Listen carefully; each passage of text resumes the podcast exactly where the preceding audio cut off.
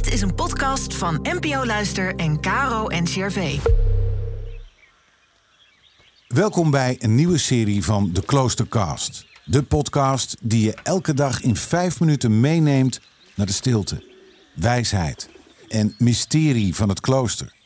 Kloosterlingen praten openhartig over actuele thema's als leiderschap, gastvrijheid, stilte en gehoorzaamheid.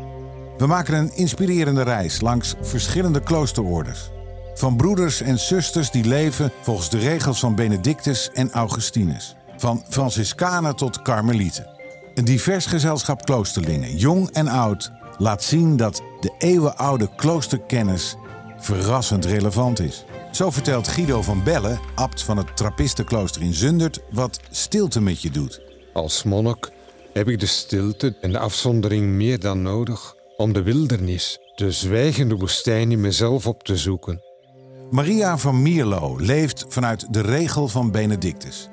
Zij denkt na over het verschil tussen willen en verlangen. Alleen wie ophoudt met letten op wat hij zogenaamd wil, kan horen wat er van binnen leeft aan verlangen. En kluisenaar pater Hugo Beuker over de tenen. Als ik door het hek van mijn kluizenarij naar buiten kijk, zie ik een plaag. Het zijn tenen. Hele lange tenen. Laat je inspireren door hun levenslange zoektocht naar een zinvol leven. En vind rust in de hectiek van het moderne bestaan. Vanaf maandag 2 oktober, iedere werkdag een nieuwe aflevering in jouw favoriete podcast-app. Een podcast van Caro en CRV.